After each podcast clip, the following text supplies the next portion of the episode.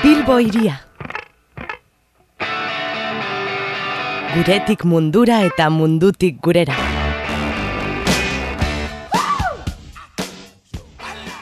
Udaberria etorri zaigu, baina etzean gaude, askatasunaren zain. Ziega etzean denean musika lagunduko digu, eta gure irrati zaio honetatik kantutxu bat ekarriko dizugu egunero. Gure soinu gelakideek dazta dezakete. Bilbo iria. Hizkuntza, kultura eta herria.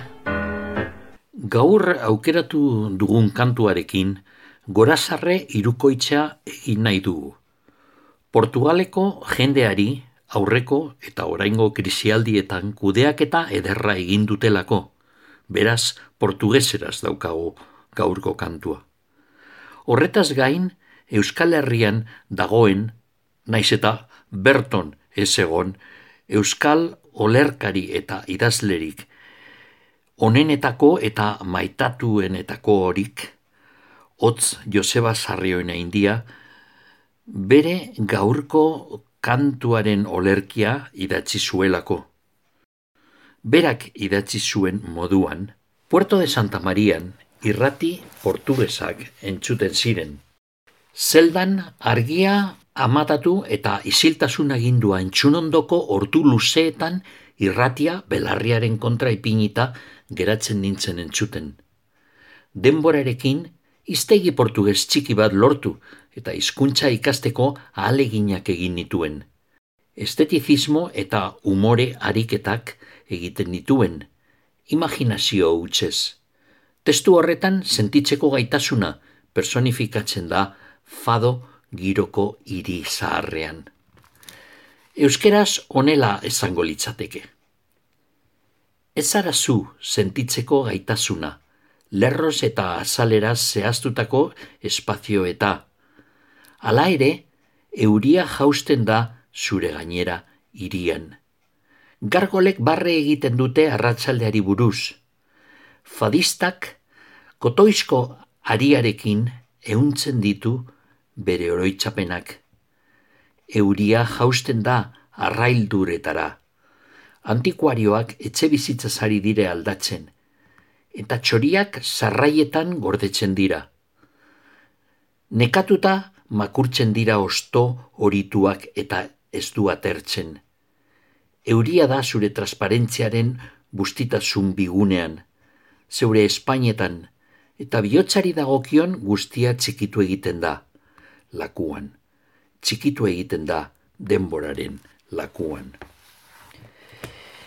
Eta azkenik poema argitaratu zenean Mikel Laboak jolasa jarraitu zuen. Eta Mikel Laboa dudarik gabe gure abanguardiako bardo ezinbesteko delako baita sekula belardiko kantaria zarrik ezan bezala horrexegatik aukeratu dugu kantu hau. Beraz, orain hogeita zoi urte, nao ez tu facultade de sentir abestia, laboak grabatu zuen moduan entzungo dugu. Eta jarraian, bibila eta mazortzian, atxiari aita semeak, Mikel Artieda eta Joseba Irazokirekin batera grabatu zuten berzioa, hause ere entzungo dugu.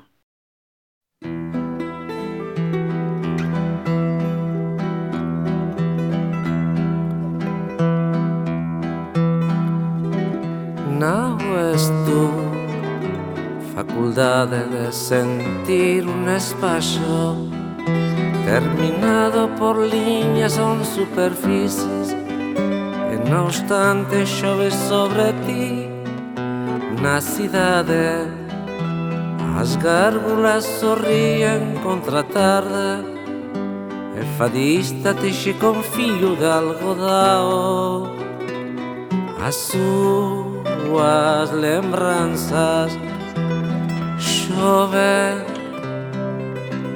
nas gretas os anticuarios mudan de residencia e os pásaros abriganse nos fechamentos agachanse fatigadas as folas amarelas. E na estía Chove no molhado brando da tua transparencia, teus labios e tudo aquilo que dominio do curazao encolese no lago, no lago do tempo, encolese no lago, no lago largo do tempo.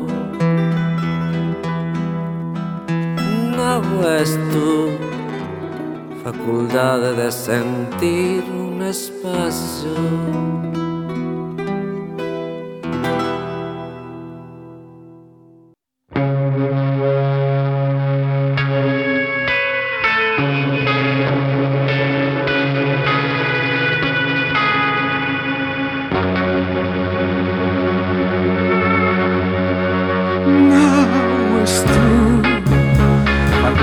dejar de sentir un espacio terminado por líneas y superficies. Y no obstante chove sobre ti la ciudad. Las gargullas sonríen una tarde. Afadístate con un filho de algodón. As suas lembranças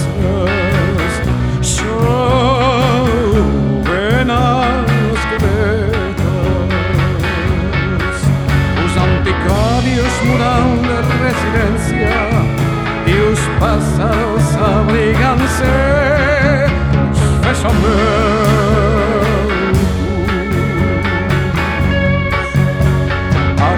as fatigadas folhas amarelas